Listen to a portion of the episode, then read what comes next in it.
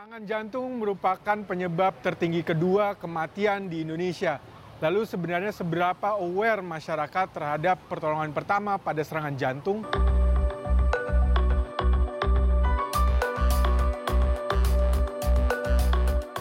Berdasarkan data riset kesehatan dasar dari Litbangkes Kementerian Kesehatan pada tahun 2018, sedikitnya 15 dari 1000 orang atau sekitar 2.784.064 orang di Indonesia menderita penyakit jantung.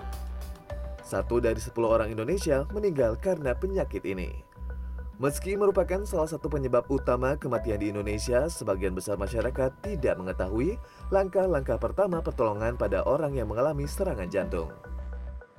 Aku kurang tahu ya kalau yang itu karena aku belum pernah mengalami atau ngeliat langsung orang yang kena serangan jantung jadi aku kurang tahu sih pertolongannya kayak gimana gitu. Kalau itu aku masih kurang tahu sih langkah-langkah CPR-nya. Sejujurnya pernah ada tapi waktu itu saya nggak tahu apa-apa. Untungnya ada orang uh, salah satu orang yang bisa melakukan CPR. Jadi ketolong banget sih waktu itu. Setelah kita cek, oh nggak ada nafas, nggak ada nadi, ya Ketidaktahuan ini menurut mereka merupakan akibat kurangnya sosialisasi langkah-langkah pertolongan pertama baik di sekolah maupun di tengah masyarakat umum. Menurut aku sih pertolongan pertama gitu uh, dari pendidikan ya. Karena kan itu kan dari dini gitu sejak dini diajarinnya. Harusnya sih bisa dari pendidikan gitu sih. Ya biar lebih aware juga dari kecil dididik kayak gitu.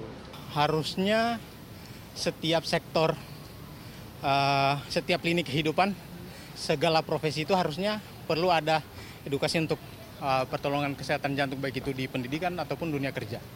Jadi di kantor-kantor Iya, harusnya itu penting untuk pencegahan uh, ataupun langkah defensif setiap orang.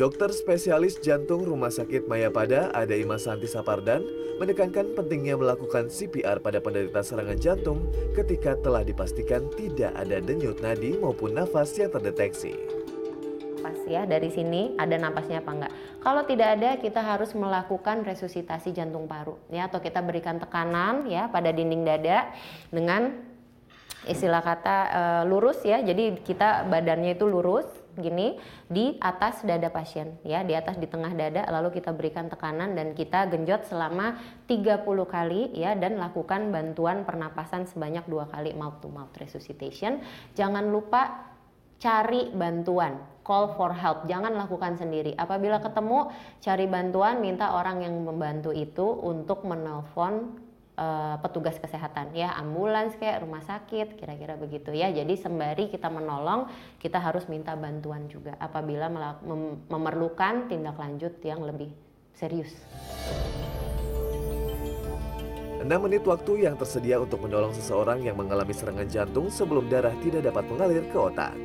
Dokter Ade menekankan pentingnya sosialisasi tentang langkah-langkah pertolongan pertama ini semenjak dini.